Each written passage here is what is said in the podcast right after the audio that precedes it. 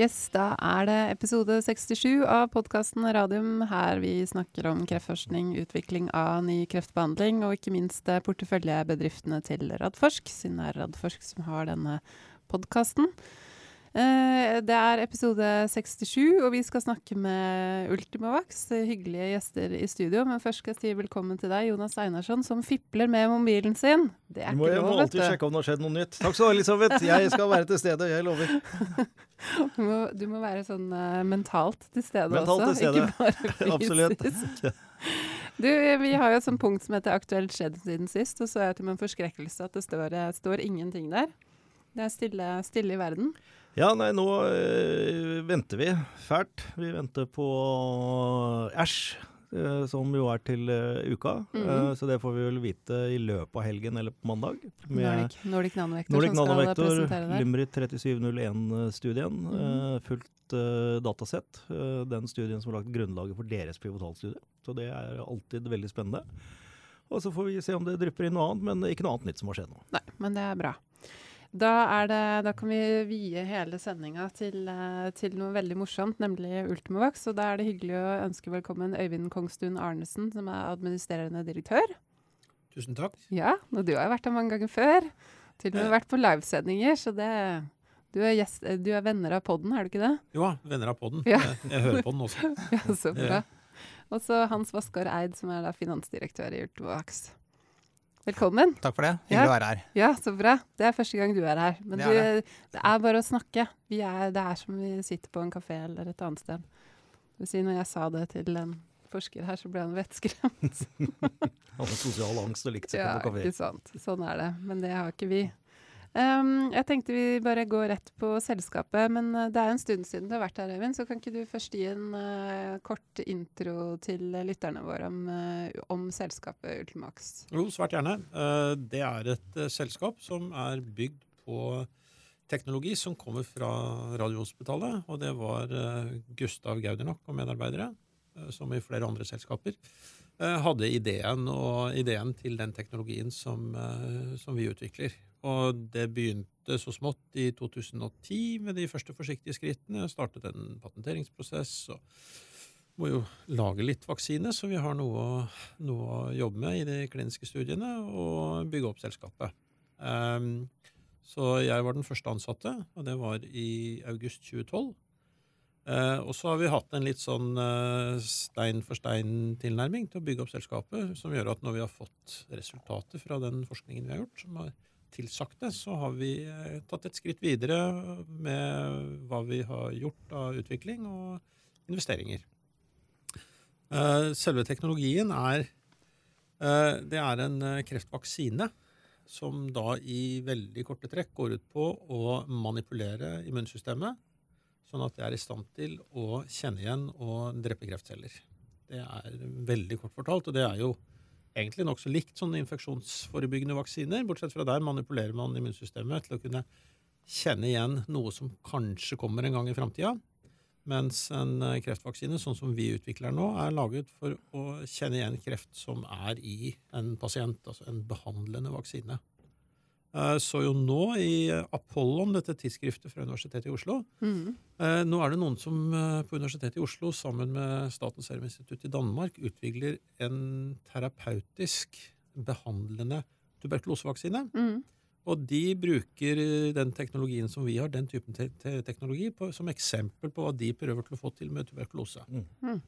Så det understreker det at vi lager kreftbehandling, men vi går ikke løs på kreftceller direkte. Mm. Vi manipulerer immunsystemet til å gjøre det. Ja.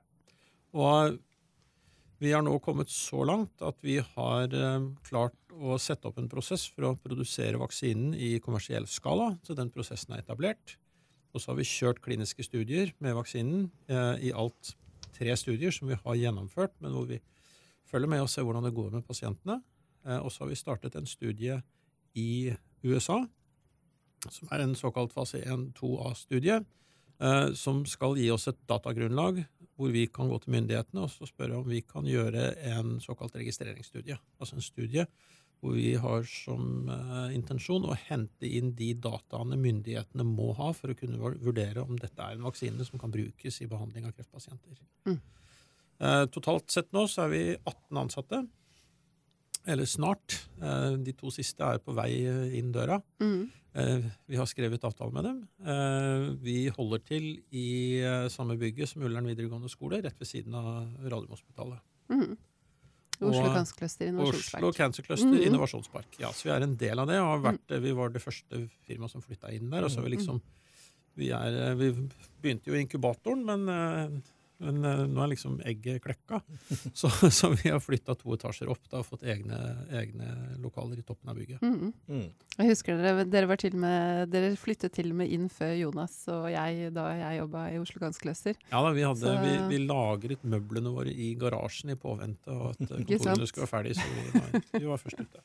Det var Så, så det, det er der vi er. Altså, nå, Ja. nå, nå holder vi på med det, kommer du sikkert tilbake til med noen av spørsmålene, men det vi gjør nå, er at nå har vi laget en utviklingsplan. Så som jeg sa, så hensikten med den er å skaffe de dataene som trengs for å kunne søke om registrering av eh, vår UV1-vaksine, som er den vi utvikler nå. Mm. Mm. Jeg, jeg tenker kanskje, kanskje du kan begynne å si litt mer om vaksinen, for den er jo litt spesiell i, i form av at den går på telemorase, som på en måte er et enzym som er veldig spesifikt for, for eh, kreftceller. Ja. Mm. Eh, Da må jeg liksom si med en gang at, eh, at eh, den Jeg kan si noen ord om hva telomerase er. Mhm. eh, For det, det er viktig for å forstå eh, vaksinen. Eh, Det er sånn at eh, eh, arvestoffet vårt det er pakket i sånne arvestoffpakker eh, som kalles for kromosomer. Og um, alt arvestoff fins i nesten alle celler. Eh, Disse arvestoffpakkene de har en sånn liten kappe på enden. Og disse kappene de kalles for telomerer. Og deres funksjon det er å fungere som et sånt eh, telleverk for hvor mange ganger en celle kan dele seg. Mm. så hver gang en celle deler seg, og det lages en ny kopi av disse arvestoffene, så blir telomeren litt kortere. Og når det ikke er mer igjen, så dør cellen en naturlig død og blir erstattet av en ung, frisk, ny celle med lang telomer. En form for det- for det- naturlig Ja, syklus. den naturlige livssyklusen til en celle, som Mm. gjør at man får en, eh, en eh, kontrollert erstatning av eh, gamle celler med nye celler. Så det er en helt essensielt. Um, I kreftceller så blir ikke disse telomerene kortere. De kan dele seg så mange ganger de vil, og det er mange, Mm. Uten at telomerene blir kortere. Og det kan de gjøre fordi de har dette enzymet som heter telomerase. Hver gang det blir kutta en bit av telomeren, så tar telomerase og setter den tilbake på plass igjen. Så det er liksom nøkkelen for eh, kreftceller til å være kreftcelle. Og eh, det er faktisk et viktig poeng for oss, det med at kreftcellene ikke kan slutte å ha telomerase, for da slutter de også å være kreftceller. Og det har med sånn resistensutvikling og, og Ja, sånn å Det er et veldig viktig poeng eh, der, Øyvind. Ja. Eh, Nettopp fordi at det er jo det vi ser med nesten all kreftbehandling. Så er det jo at man angriper noe på kreftcellene som kreftcellene uttrykker. Så de uttrykker et protein, og så har vi et antistoff som eh, tar det proteinet. Eh, og det, Lytterne kjenner veldig godt til Nordic Nanovektor, og det er jo det som er med rituximab. ikke sant? At når, når en behandler med det, så slutter kreftcellene å uttrykke dette, og da blir de nye celler som kommer opp og er resistente. Mens i teorien her så kan ikke kreftcellene slutte å produsere telomerase, for da dør de. Ja.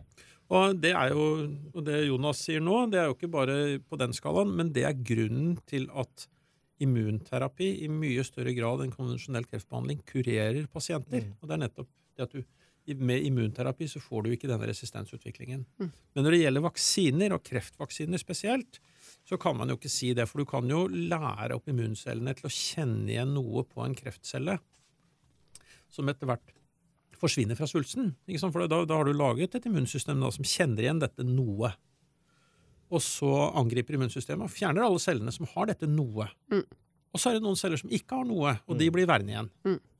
Og sånn, så da får du resistensutvikling Mm. Teoretisk sett på en vaksine. Så vi mener jo at det er noe av styrken med vår vaksine, Mm. er at sannsynligheten for resistensutvikling er lavere.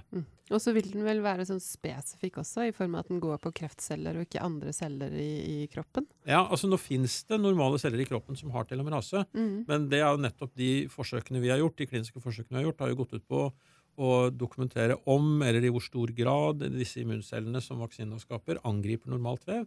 Og konklusjonen er at det gjør det ikke. Mm.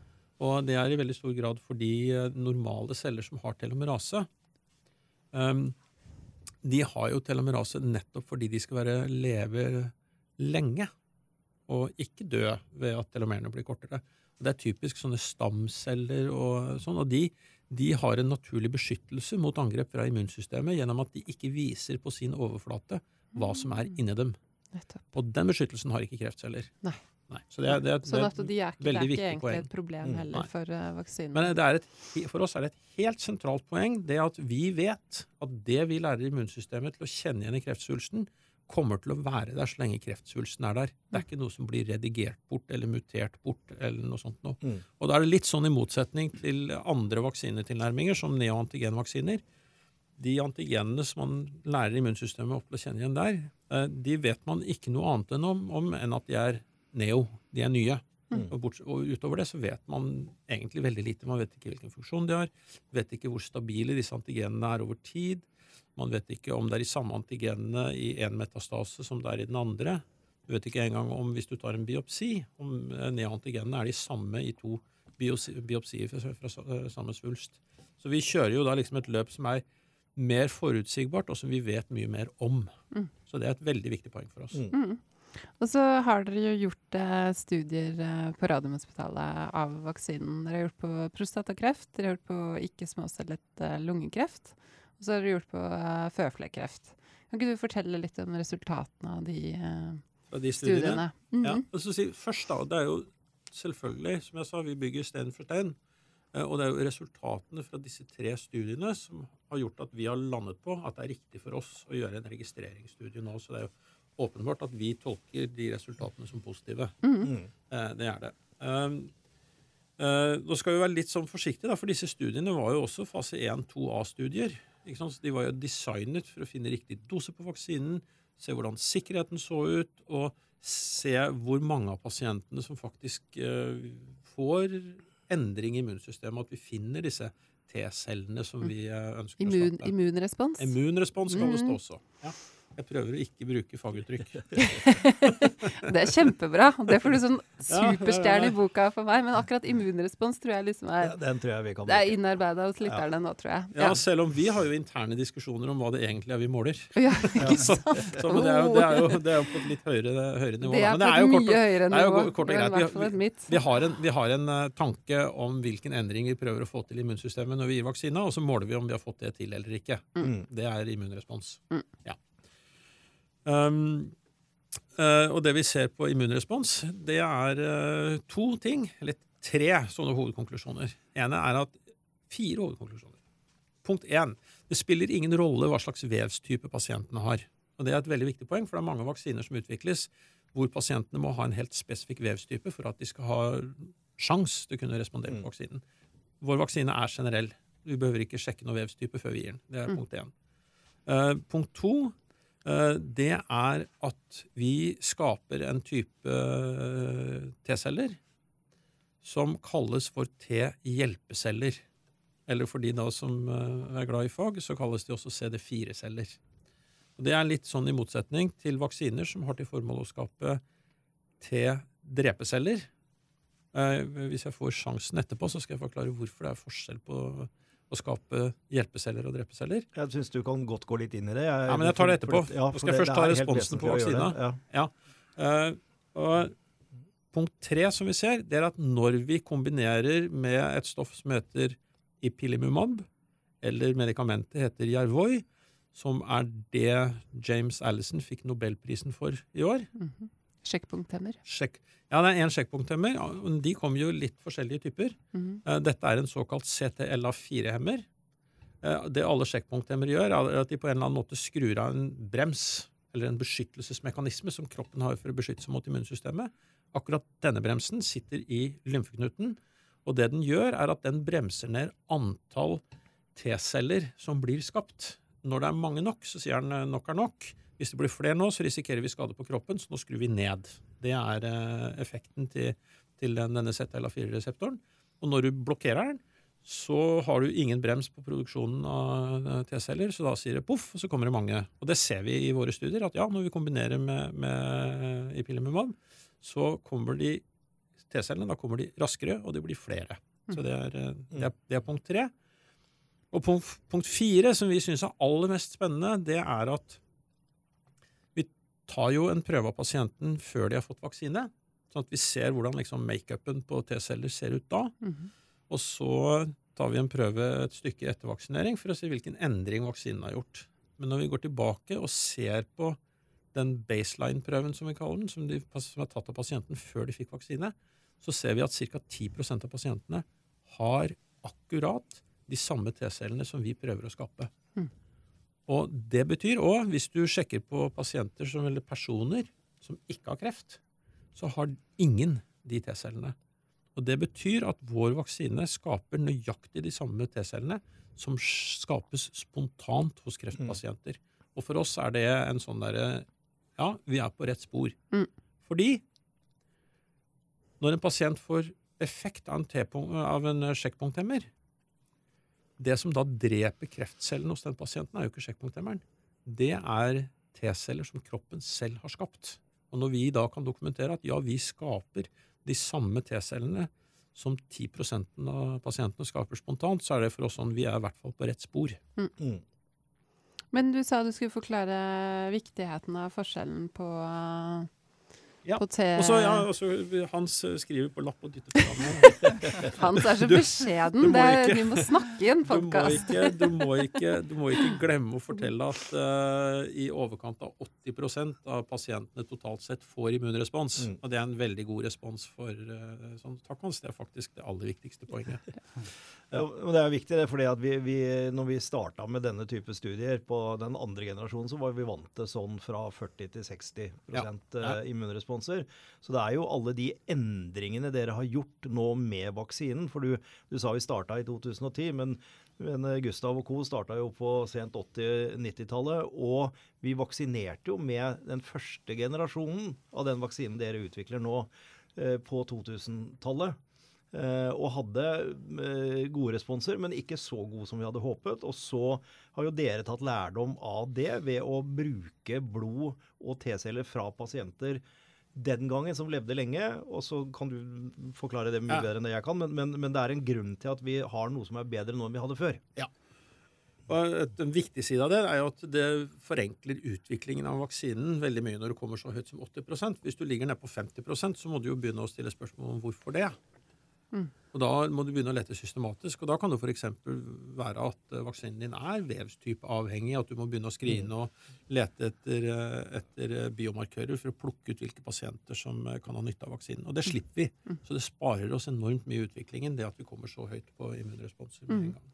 Bare ta mikrofonen litt nærmere. Jeg er så redd for at ikke man skal Og så høre. eh, var det Ja, det var egentlig så spørsmålet ditt var, var resultatet Ja. fra studiene. Ja, Så da er neste spørsmålet det er ja, gode immunresponser og spennende resultater utover liksom bare at det er gode responser, men også hvilke celler som kommer, og hvordan det ser ut.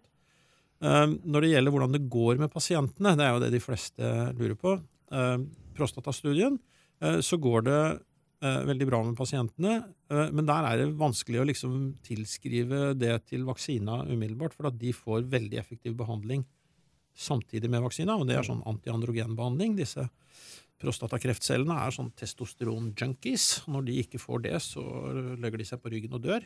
Eh, Sånn, sånn at det er veldig god effekt av den behandlingen en stund. Nå har vi fulgt disse pasientene i snart fem år, og eh, eh, det vi ser, som vi ser som et veldig positivt tegn, det er at hos åtte av de 22 pasientene som gikk inn i studien, så er det ikke lenger mulig å se at de har kreft. Altså, og de kom jo inn i studien med eh, spredning av kreften sin til enten til eh, bein, altså knokkel, skjelett, eh, eller lymfeknute, Mm. eller begge deler. Mm.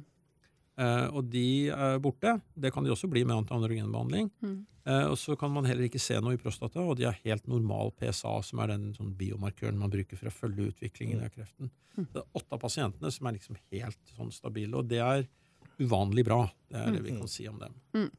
Eh, lungekreftstudien, det er jo veldig syke pasienter, det som kalles for stadium 3B4. De har da vært igjennom all tilgjengelig behandling og har ikke noe flere behandlingsalternativer igjen.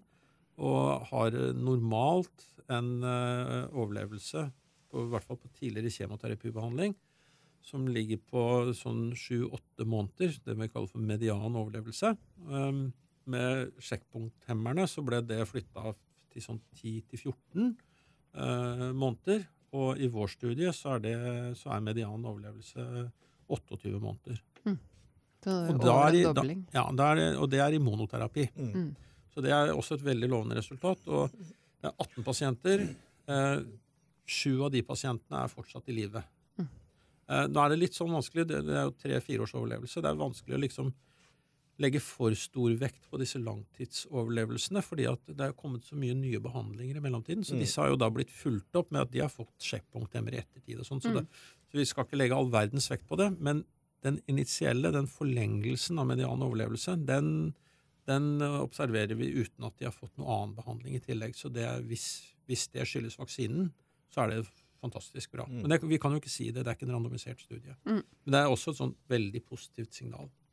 Det er et pos veldig positivt signal. og hvis, hvis man gjør senere en randomisert studie og klarer å gjenskape disse dataene i en randomisert er en studie, sensasjon. da er det en sensasjon. Altså, Ja, vi, vi er der, men igjen alle forbehold om få pasienter og alle disse tingene. Men, men Også- eh, vi, vi har lært oss å bruke, bruke uttrykket er Lovende. lovende kliniske effekter. Ja, Tegn til lovende kliniske effekter. Ja, ikke sant? Og hvis du ser på øh, i um, studien vi gjorde i føflekkreft, da, i kombinasjon med, med uh, Yervoy eller ipilimumab, uh, der er vi jo i en litt spesiell situasjon, for den studien ble jo gjort i parallell med denne studien som kalles for IPI4, som staten har gjennomført, Mm. Hvor man har gitt eh, pasientene Jervoi Mm. og fulgt dem. Mm. Eh, vi startet jo, Egentlig så var det meningen at eh, vår studie skulle være en arm av den studien. Men av administrative grunner så fikk vi ikke lov til det, så vi måtte skille den ut som en separat studie. Men det er samme gruppe pasienter men liksom, som har gått inn. Det er de samme legene som har behandlet. Og det, Behandlingen er jo helt lik, og studieprotokollene har også vært Så du har et. Ja, en- der. Ikke én til én, men Det er ikke en kontrollert studie, men Nei. eh, nærmere kommer du ikke. Nei. Okay. Nei. Uh, og det er, så vi har da sammenlignet uh, data fra de 74 pasientene som ble behandlet her på Radiumhospitalet, med våre 12. Og da ser vi jo at overlevelsen er betydelig bedre Mm. uh, for de 12 i vår gruppe enn de andre. Det er ganske mye mer. Nå er gått så lang tid da, at det også der er vanskelig å, å liksom si noe sånn helt sikkert. Men det som er sikkert, er at behandlingen i ettertid, den har jo vært lik. Ja. I begge de to studiene. Mm. at De er behandlet av de samme doktorene på det samme stedet. Så noen har fått uh, PD1-hemmer da, i tillegg, og sånt, men det er nokså likt fordelt i, i, mellom de to uh, studiene, og forskjellen i overlevelse er stor. Mm. Så, men vi venter jo spent, da, for det kommer jo etter hvert en, eh, en publikasjon fra den norske IP4-studien med alle 150 pasientene, med masse detaljinformasjon, som gjør det mye lettere for oss å, å sammenligne. Og, og det vi gjør da, er jo at vi, vi, vi vil jo se etter andre forklaringer enn at vaksina virker. Det er det vi leter etter. ikke sant? For det er, det er det som er poenget for oss, å få så stor grad av sikkerhet som mulig for at den virker. Og da må vi lete etter argumentene for at den ikke virker. Mm. når kommer den? Ja, Det må du spørre de som driver IP4 om. Det tar tid. Ja. vi, Jo, jo, men sånne ja, da, ting tar alltid vi, tid, så- vi, eh, eh, Det er ikke noe vi kan påvirke Nei. når den kommer, for det er en separat studie som drives av det offentlige, og vi krysser fingre og håper at den kommer så fort som mulig.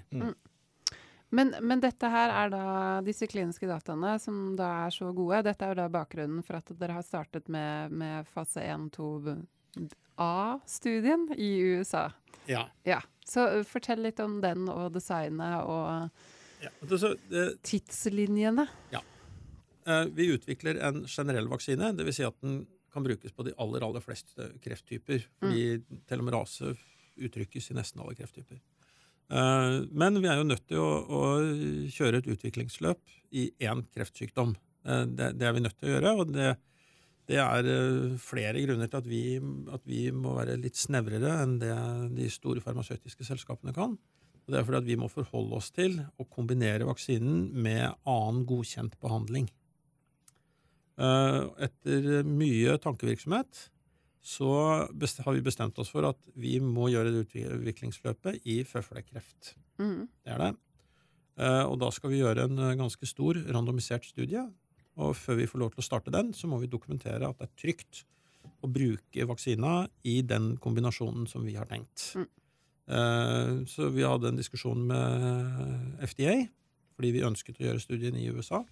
Eh, Og da går jo de gjennom alle sider ved vaksinen, eh, og sånn, og vi fikk en godkjenning. Og det i seg selv er jo et veldig sånn det er, Vi er stolt og glad over å ha fått til det. Mm. Så har vi startet studien, og den er nå i gang. og Første pasient er inkludert, og vi går og venter på pasient nummer to og tre.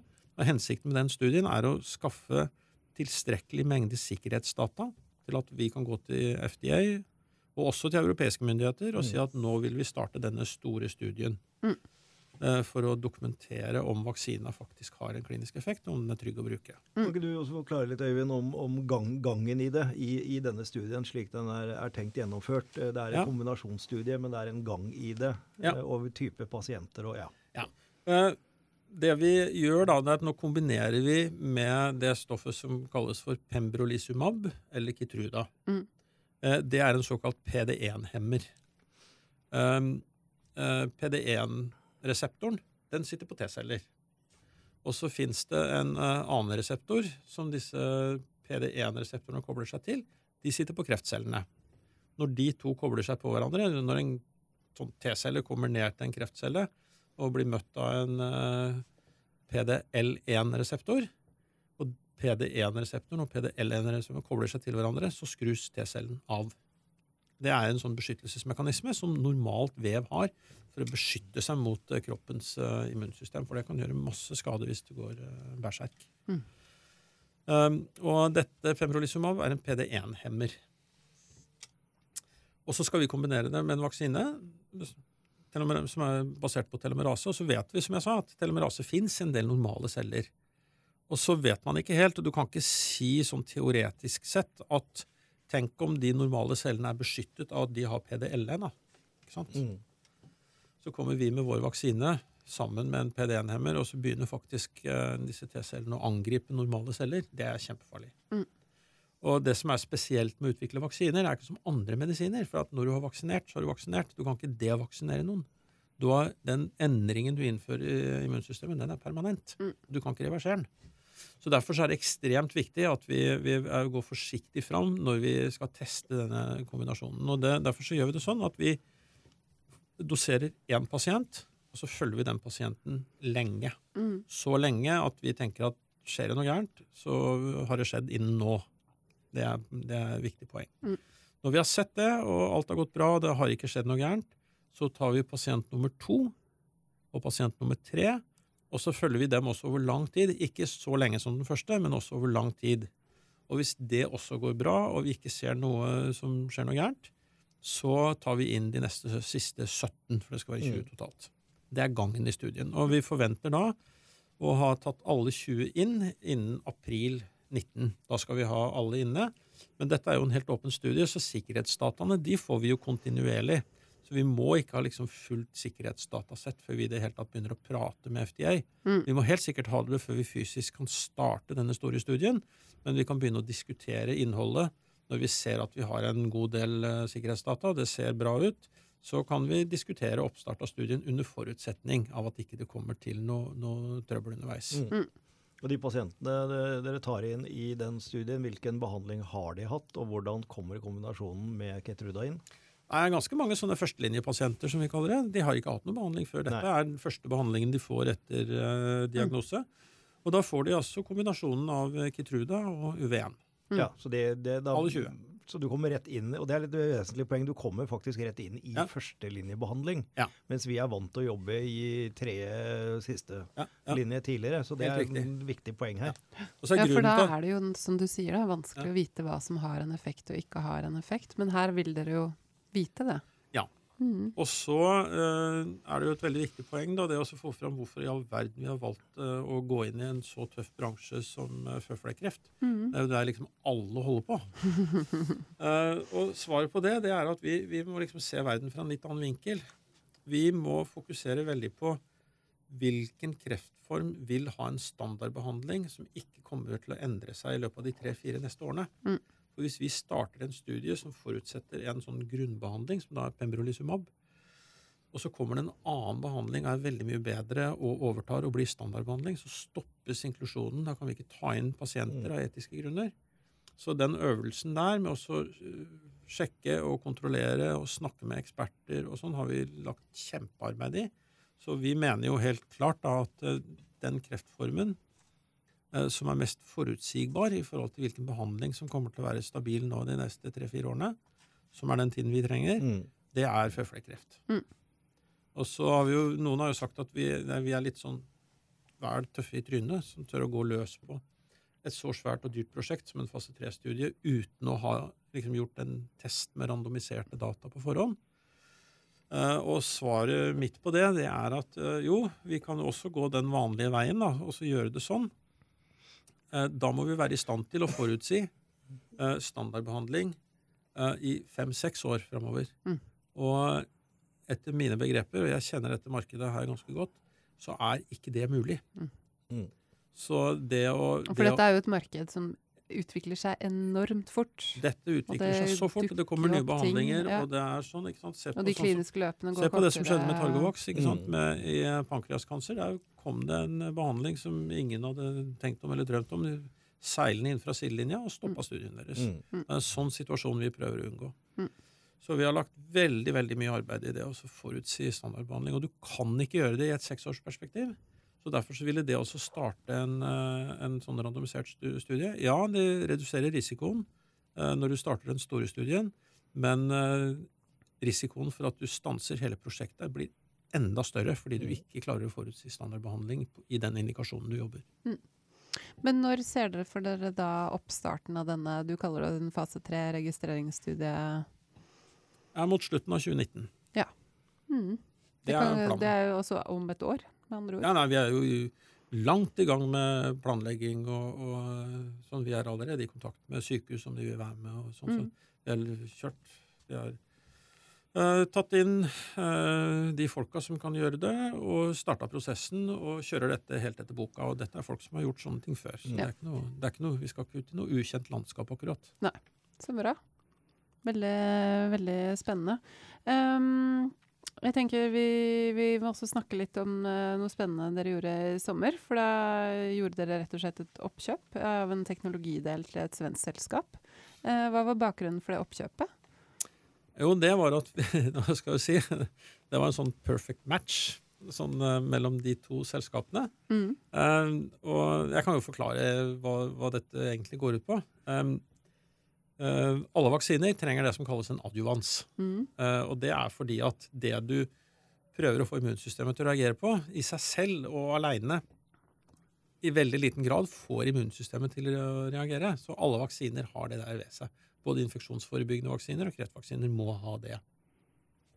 Uh, Den vi bruker nå i utviklingen av UV1, er en som kalles for GMCSF. Og etter våre begreper så er det det beste som fins. Det fins ikke noe bedre i dag enn GMCSF som kan brukes.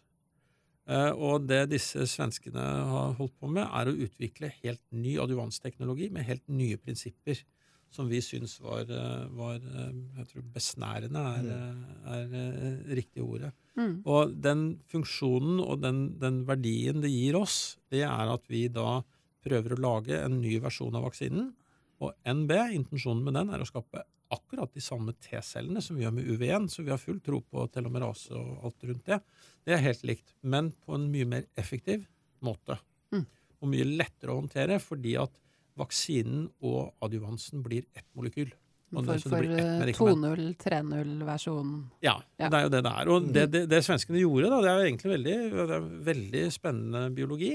Jeg stiller spørsmålet, eh, Målet med dette er å hisse opp immunsystemet og få immunsystemet til å reagere.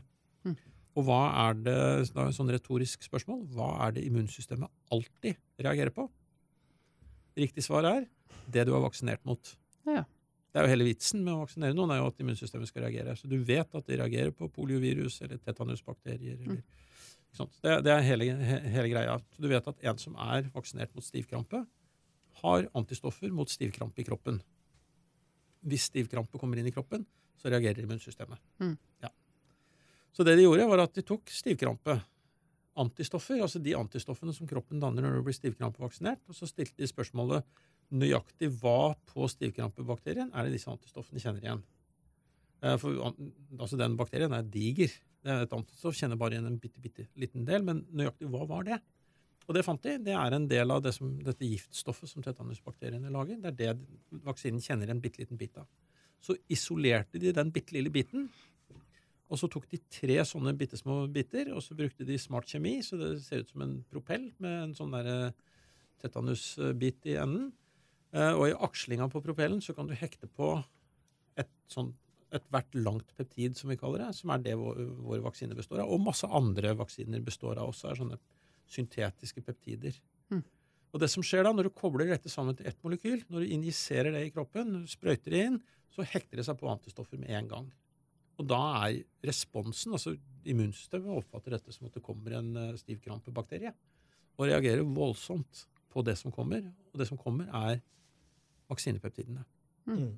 Du får en, og dette er testa i dyremodeller og validert og, og sånn. Og vi har snakket med svenske legemiddelmyndigheter om liksom det er greit å gå videre med å utvikle dette. Så det vi gjør nå, da, det er at nå må vi først uh, finne ut hvordan dette kan produseres Eller om og hvordan. Eller det kan nok mest sannsynlig så kan det produseres i stor skala.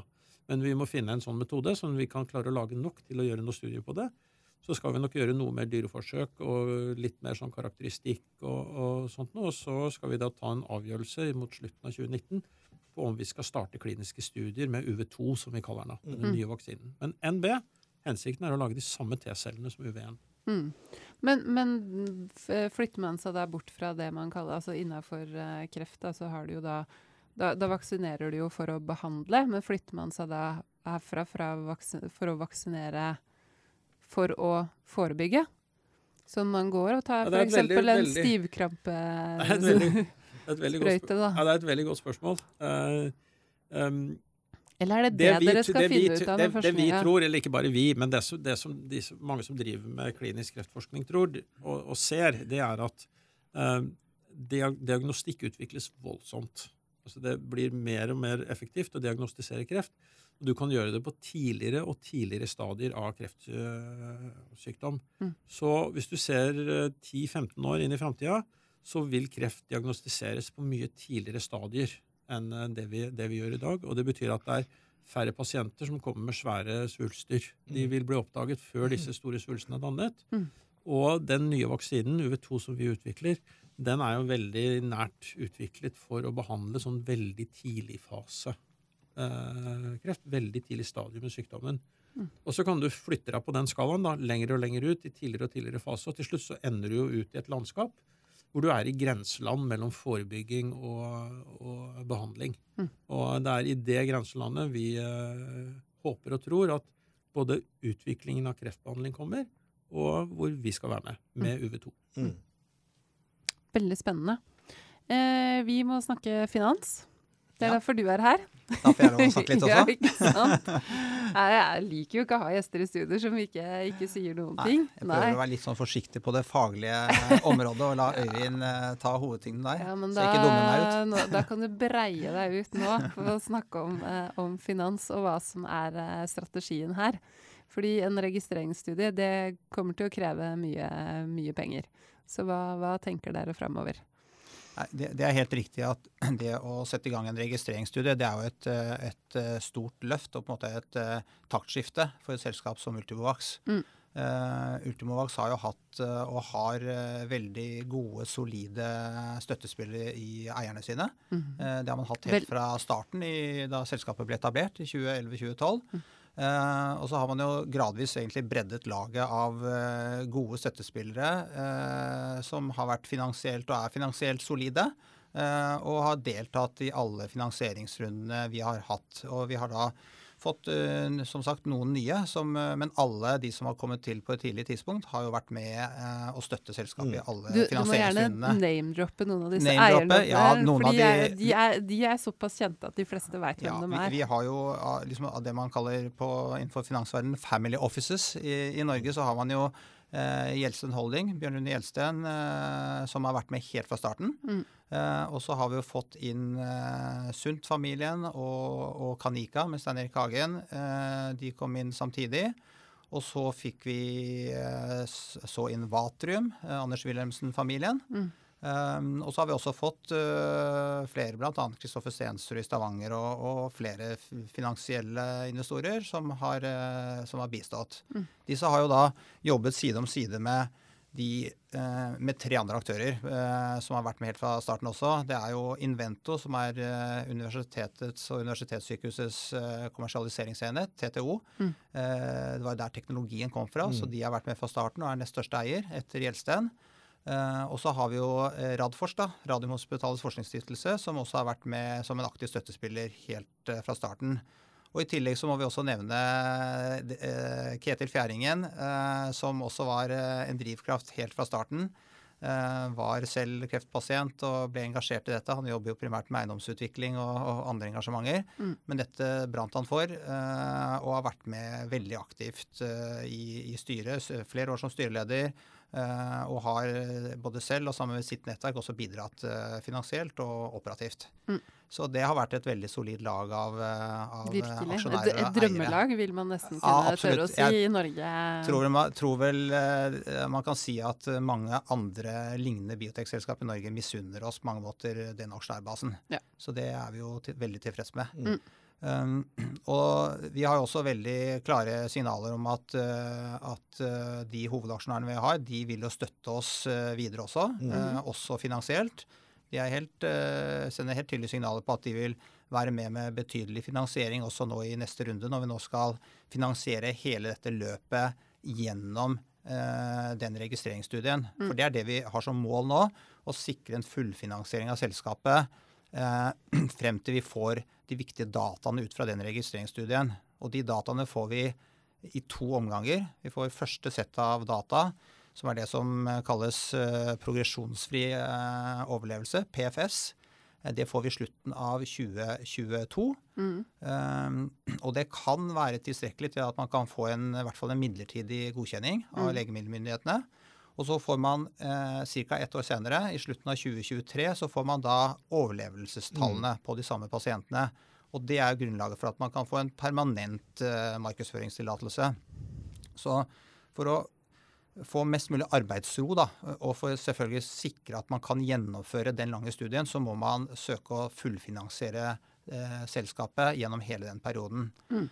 Og det er jo et såpass uh, stort finansieringsløft at Eh, da må vi se bredere enn bare til dagens eh, eiere. Mm. Uh, og da har vi selvfølgelig brukt mye tid på å vurdere kan man gjøre dette fortsatt av børs, uh, som for selskap isolert sett ville kanskje skapt den største arbeidsroen hvis man kunne gjort det. Uh, men det er jo krevende når man skal hente såpass mye penger og gjøre det av børs. og vi ser jo det at for å nå ut til tilstrekkelig mange investorer, så er det naturlig å, å nå gjøre en børsnotering. Mm. Um, så der er vi i full gang med forberedelsene til det. Det er jo For et selskap som vårt med vår størrelse, så, så krever jo det mye.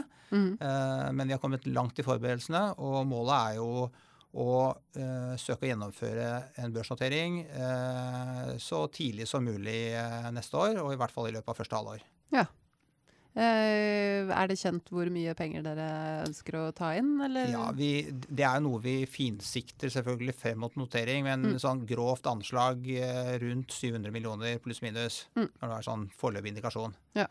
Og det må vel være en av de største børsnoteringene innafor biotek? Ser ja, på deg, Einarsson, ja, som er sånn ja, er Nordic var vel sånn 500-550 ja, millioner, tror jeg? Ja, det var rundt 450, hvis jeg husker riktig. Og så gjorde de en stor Tilleggs. emisjon senere på drøyt 500 millioner. Men uh, jeg tror nok dette er uh, den største uh, noteringen innen denne sektoren, altså innen våre selskaper i hvert fall.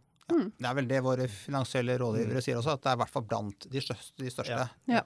Men det, det, som kan være verdt å nevne da, som, uh, som, våre rådgivere legger vekt på også, det er uh, når man ser på biotekselskap i vår fase som kommer da og skal gjøre en børsnotering, mm. så er det nokså unikt at man kommer da uh, med, en, med et selskap som har som mål å gjennomføre en uh, studie som kan føre frem til registrering. Mm. Veldig ofte så kommer man jo da og skal gjøre typisk fase to-studier. Uh, og man vil ha flere finansieringsrunder foran seg. Mm. Og for, i hvert fall for de som kommer inn som nye investorer, så, så er det jo Du reduserer i hvert fall noe av den kan du si, finansieringsrisikoen Så man har den type case som skal gjennom flere finansieringsrunder fremover. Mm. Så det det er- legger de vekt på å si at det er Ja. noe som investorer eh, forhåpentligvis vil like. Vi håper rådgiverne har rett. Ja, jeg tror det er først siden Fotokur. Ja. Det er 18 år siden. At vi, at vi eh, da går eh, fra børsnotering og inn i en eh, registreringsstudie. Mm. Med alle de andre så har det vært som du sier, det har vært eh, fase to-studier. Og så vente på resultatene av de, og når de resultatene er gode nok, så har man hentet da inn nok penger til å gjøre registreringsstudien, jf. Nordic Nanovektor eh, og PCI Biotech eh, nå. Eh, Så det å liksom vite at det ikke er Altså det å deriske finansieringsrisikoen dit hen at vi vet at hvis vi investerer i dette selskapet ved børsnotering, disclaimer, jeg er styreleder, bare ikke jeg har sagt det nå, så, så vet du også at da investerer du i å få de kliniske dataene. Eh, og da, da, da vet du det, at da kan du på en måte la selskapet få gjøre studien ferdig, og så enten så blir resultatene gode nok, eller så blir de ikke gode nok. Ja. Og det, at du ikke da slipper å være avhengig av at du har fått disse fase 2-resultatene, og så skal du hente inn de pengene til å gjøre pivotalstudien, og så er markedet pill råttent. Mm. Uh, og du, du, du slipper den, den eh, Ja, risikoen, så det er viktig. Og så er det en tilleggsting som er faktor som har kommet inn i det, og det er at eh, denne måten, standardmåten å gjøre det på, med at man gjør, må gjøre en, en randomisert studie fra randomiserte data før man kan ta en avgjørelse om eh, å gjøre en fase 3-studie. Eh, virkeligheten har forandret seg såpass Ja. mye at den faglige, ikke finansielle, men den faglige risikoen, at, du, eh, at de randomiserte dataene dine er irrelevante før du kommer ut av startgropa med fase 3-studien, Ja. den risikoen er mye høyere nå enn den var for ti år siden. Ja, også, og, og, og det, det i seg selv er ikke noe nytt. Altså det, både Nordic Nanovektor og PCI Biotech går nå i sin pivotalstudie på fase 1-2A-resultater. Det er ikke noe randomisert fase 2 de går på, og de har fått ikke bare fått godkjenning, men begge selskapene har også fått tilbakemelding fra myndighetene om at de kan få diverse muligheter til å komme raskere til, eh, til markedet. Og det vil jo også Ultimovax da være i fortløpende kontakt med både FDA og, og EMEA om mm. Prime og Accelerated og PIM og alle, alle disse mulighetene som ligger der. Ja, for der er jo FDA og EMEA, hva skal man si, framme i skoene. Ja, det Framoverlente er- det er på en helt annen riktig. måte enn Det, det er de, de, altså de, de er nå Mm, ute når de ser denne type resultater som disse selskapene, da inkludert Ultimox, har. Så sier de hva kan vi gjøre Mm. for å hjelpe dere til å få frem de dataene som gjør at vi kan behandle pasientene med dette. Så det er en helt annen, istedenfor å være den kontrollerende som egentlig skal holde igjen, så er de nå mye mer aktive med. Og så er det alle disse mulighetene underveis her til å få diverse ting inn. Du har disse komiteene som følger randomiserte studien og kan si at hei, dere må stoppe den eh, armen med placebo fordi resultatene er så bra, og vi må starte en accelerated approval, alle disse tingene. Eh, Og dette jobber selskapene kontinuerlig med, men det de skal fortelle da oss, og da Radfors som investor, det er dette er løpet vi har lagt opp til. Mm. Vi får resultater i 22, vi får resultater i 23. Alt annet imellom der er oppside, som man melder når man har fått det.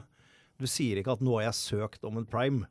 Fordi du vet at det, høyst sannsynlig første gang du søker, så får du tilbake at eh, ja, dette ser interessant ut, men her må vi ha sånn og sånn data og sånn og sånn, og så kom tilbake når dere har det. Så er det en kontinuerlig prosess, men, men den går hele tiden. Men først og fremst eh, børsnotering i løpet av første halvår 2019. Ja, Ja. det er målet. Men, eh, men eh, altså, jeg går ut fra at dere som alle andre selskaper også snakker med samarbeidspartnere, type farmasøytisk eh, industri. Er det, kan, du, kan dere si noe om det? Vi kan jo si litt om det. Du det kan er vel, ikke si hvem dere prater med, det, det, er vet jeg. det, er vel, det er vel ingen, eh, det er vel ingen eh, biotekselskap eh, som har kommet såpass langt uh, som vi har i, i, i vår utvikling, som ikke har dialog med potensielle samarbeidspartnere. Mm. Og det har selvfølgelig vi også. Det som i mitt hode er et veldig spennende utgangspunkt for den type samtaler, er jo at vi har eh, det som Øyvind har snakket om, en kreftvaksine som er generell eller universell Mm. som betyr at den eh, potensielt da kan brukes på mange ulike kreftformer. Mm. Så vi har jo da måttet velge nå føflekkreft eh, som vår lead indication, vårt hovedspor. Eh, for å søke mot registrering. Men det er jo selvfølgelig veldig interessant å teste ut vaksinen også i andre kreftformer. Mm. Ulike settinger, ulike kombinasjoner med andre legemidler. Um, og der opplever vi jo betydelig interesse fra ulike aktører, både akademiske miljøer og uh, Big Pharma. Uh, som, som uh, vurderer uh, muligheten for å kjøre studier i kombinasjon med en vaksine, og da en vaksine som mm. vi har, fremstår jo som, som attraktiv. Mm. Um, så det er noe vi absolutt har dialog på. Uh, kan ikke si, gi noen detaljer rundt det. Og det er selvfølgelig alltid usikkerhet rundt hva man kommer i mål med. Mm. Men vi har tro på at vi skal klare å komme i, i mål med Eh, noen ett eller flere samarbeidsprosjekter som vil være veldig interessant og gi interessant tilleggsdokumentasjon mm. rundt hvordan vaksinen kan fungere, mm. utover det de studiene vi kjører i fullt i egen regi. Mm. For den registreringsstudien og dette Øyvind har snakket om, er jo ting vi har full kontroll på oss selv. Du har et veldig viktig poeng der. fordi du, du, spør om de snakker med Big Pharma eller farmasøytisk industri, og svaret er ja, men også med akademia. Og det er veldig viktig. og da må vi huske på at Dette selskapet har altså folk som Gustav Gaudernak og Steinar Omdal ansatt hos seg, som har et nettverk som ingen andre har. Til De, altså de kjenner personlig nobelprisvinneren og Carl June og you, you name it. Mm. Uh, det er name-dropping, men det er, helt, det er, viktig. Jo, men det er viktig name-dropping. Hvis de, de sier, de behandler jo pasienter med det som er av eksisterende behandling i dag. Og hvis de går til et Big Pharma-selskap og sier at vi har lyst til å kjøre en kombinasjonsstudie med deres preparat mm. og dette preparatet med denne nye vaksinen fra Norge, er dere interessert i da å gjøre det mens vi kjører studien, altså den akademiske institusjonen? Og sånne ting kan dukke opp. Mm. Uh, og det vet jeg at det er uh, altså Targovax har jo signalisert ganske tydelig at det er det de håper å få til nå med at de måtte legge om TG01-vaksinen pga. denne Folfirinox som kom. Det betyr ikke at dataene deres ble noe dårligere. Dataene er bra, de. Eh, men da håper de at kan, de kan være akademiske institusjoner og sånne key opinion leader som er med og drar det. og Det er, det er viktig å ha med seg. Mm. Som dere sikkert ikke kan si noe om før det eventuelt er noe. Det er riktig. Det, og det er sånn det skal, eh, skal ja. være. Er, er, det noe mer å si uh, på finansiering, uh, Hans? Er det noe Det er sikkert mye jeg kunne sagt, men jeg tror det, viktigste Er det viktigste sagt? Har vi, det har vi vært inne ja. på. Ja. Nei, for da hadde du egentlig en fin bro over til det som er, er siste spørsmålene, nettopp Targovax. Fordi når vi hadde Øystein Saug som leder Targovax, og som tidligere har vært uh, finansdirektør i Algeta her, så snakker han da om at uh, kreftvaksiner og onkolytiske virus, uh, som de også jobber med, det er på en måte viser seg nesten, eller kan vise seg å være en sånn missing link innenfor immunterapi, når man da kjører det i kombinasjon med, sånn som dere gjør, sjekkpunkthemmere eller hva man nå kaller det. Kjært barn har navne, mange navn. Eh, hva, hva, tenker dere om det? Skal jeg ta den, Hans? Ja. ja For det første så skal jeg korrigere deg. Jeg lot det være åpent! Det verste er at du hadde kommet med en ja. sånn lang, fantastisk utlegning. vet Du Hans. Du kan jo dette her, du. Uh, nei, altså jeg brenner litt for å svare på det spørsmålet. fordi at det, det, det, egentlig så er det veldig enkelt å forstå det der. Og det er, hvis du, hvis du tar utgangspunkt i årets nobelpriser i medisin, og det, det, det, at jeg fikk nobelprisen, det gjør de fordi at det de fant opp, det virker. Mm. Ja. Uh, og hva var det de fant opp? Jo, det er følgende. Uh, når det oppstår kreft i kroppen, så reagerer immunsystemet i de aller, aller fleste tilfellene reagerer på det. Så du får en immunrespons mot spontant mot tumoren. Det er en helt naturlig ting. Da får pasienten CD8-celler som er i stand til å kjenne igjen og drepe kreftcellene. Og i de aller fleste tilfeller så går det kjempebra. Det blir ikke noe kreftsykdom av det fordi immunsystemet rydder opp mm. på et tidlig stadium. Så hvis en kreftsvulst skal vokse i kroppen, så er det en forutsetning at immunsystemet ikke tar den. Og da er det gode spørsmål hvorfor tar ikke immunsystemet disse kreftsvulstene som vokser? Og svaret på det er veldig enkelt. Og det er at naturlig vev i kroppen har beskyttelsesmekanismer som beskytter normalt vev mot angrep fra immunsystemet. Og disse kreftsvulstene som vokser, har akkurat det samme. Mm. Og så kommer nobelprisene inn i bildet. Det de fant opp, det var jo hvordan man kan skru av beskyttelsesmekanismene. Så gjør de det. Og hva skjer da? Jo, hos noen av pasientene så forsvinner svulstene. Og Det er da en dokumentasjon på at disse immuncellene, de fins der. Det er en forut, De må være der. Hvis ikke så kan ikke en sjekkpunkthemmer virke i det hele tatt. Så spole ett hakk tilbake. Ok, Du har en kreftsvulst med beskyttelsesmekanismer intakt, og du har CD8 T-drepeceller som spontant har oppstått mot tumoren. Eh, de fins i kroppen, men de får ikke gjort noe pga. beskyttelsesmekanismene. Da har det vært gjort mange forsøk med kreftvaksiner som har laget CD8 T-drepeceller. Og Poenget da det er at det er jo allerede det at svulsten i det hele tatt vokser, er dokumentasjon på at T-drepeceller ikke gir noe. Ei heller de som ble skapt av en CD8-produserende vaksine. Så du må ha en annen tilnærming. Og da er onkolytiske virus, som Øystein Haug sier, eller en hjelpecellevaksine er det som kan tippe over. Særlig i kombinasjon med sjekkpunkthemmer. For disse hjelpecellene deres funksjon er ikke å drepe kreftcellene primært. Det er gå inn i tumoren, koble seg til tumorcellene og ligge der og skille ut det som kalles for cytokiner, sånne signalstoffer som immunceller bruker for å snakke sammen. De skiller ut disse, og den meldingen de sender ut, det er til hele immunsystemet. Her er det noe skummelt, her må vi angripe. Så det er sånn som å sammenligne eh, i Forsvaret. altså T8, eller drepeceller, er fotsoldater, og CD4 er generalstab og offiserer. Så det nytter ikke å pøse på med enda mer av det som ikke virker. Du må gjøre noe annet, og du må gi CD4-celler som på en måte åpner opp tumoren og gjør det tilgjengelig for immunsystemet. Og når du da kombinerer det med å skru av beskyttelsesmekanismene, så er sannsynligheten for å få effekt veldig mye større. Mm. I teorien. Altså, vi ser det jo kanskje i vår egen melanomstudie, men vi kan ikke helt ta den inntekten.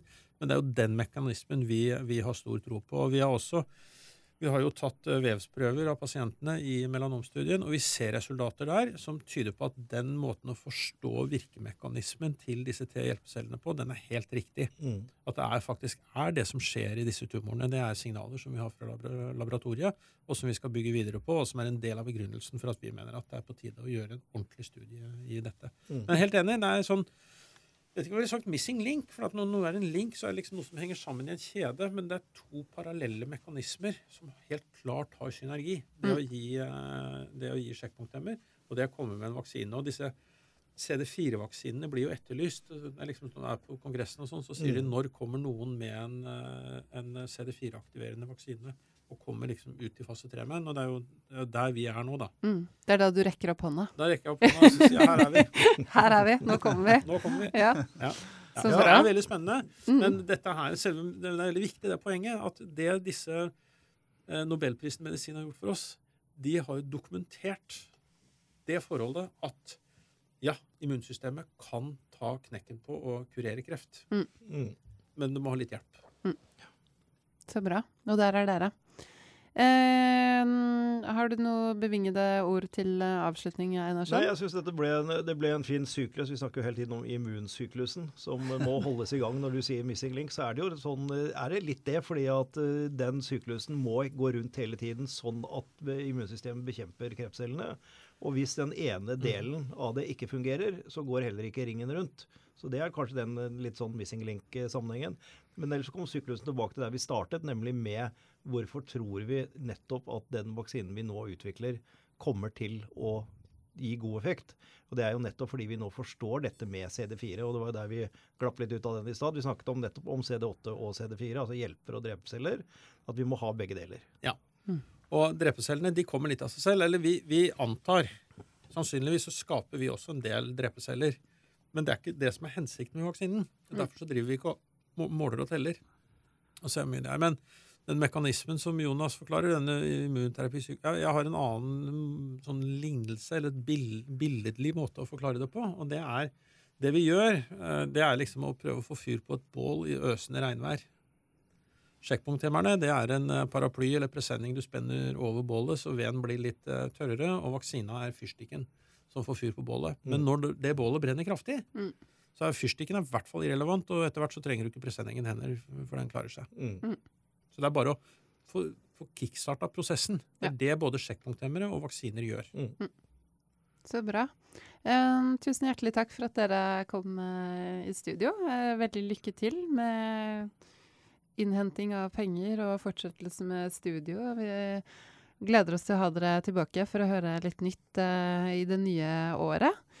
Det begynner å nærme seg. Du og jeg skal ha en årsoppsummering neste uke. Vi skal det. Ja, vi har begynt å tenke allerede. Ja, vi har begynt å kikke litt og det- sett på alle, alle selskapene våre i, i porteføljen. eh, Og, og hvis du liksom eh, Radforsk skulle sendt ut en børsmelding hver gang det kom noe spennende i et selskap, så hadde vi hatt mye å gjøre. For det har faktisk 2018 har vært et fantastisk eh, år når det gjelder nye data.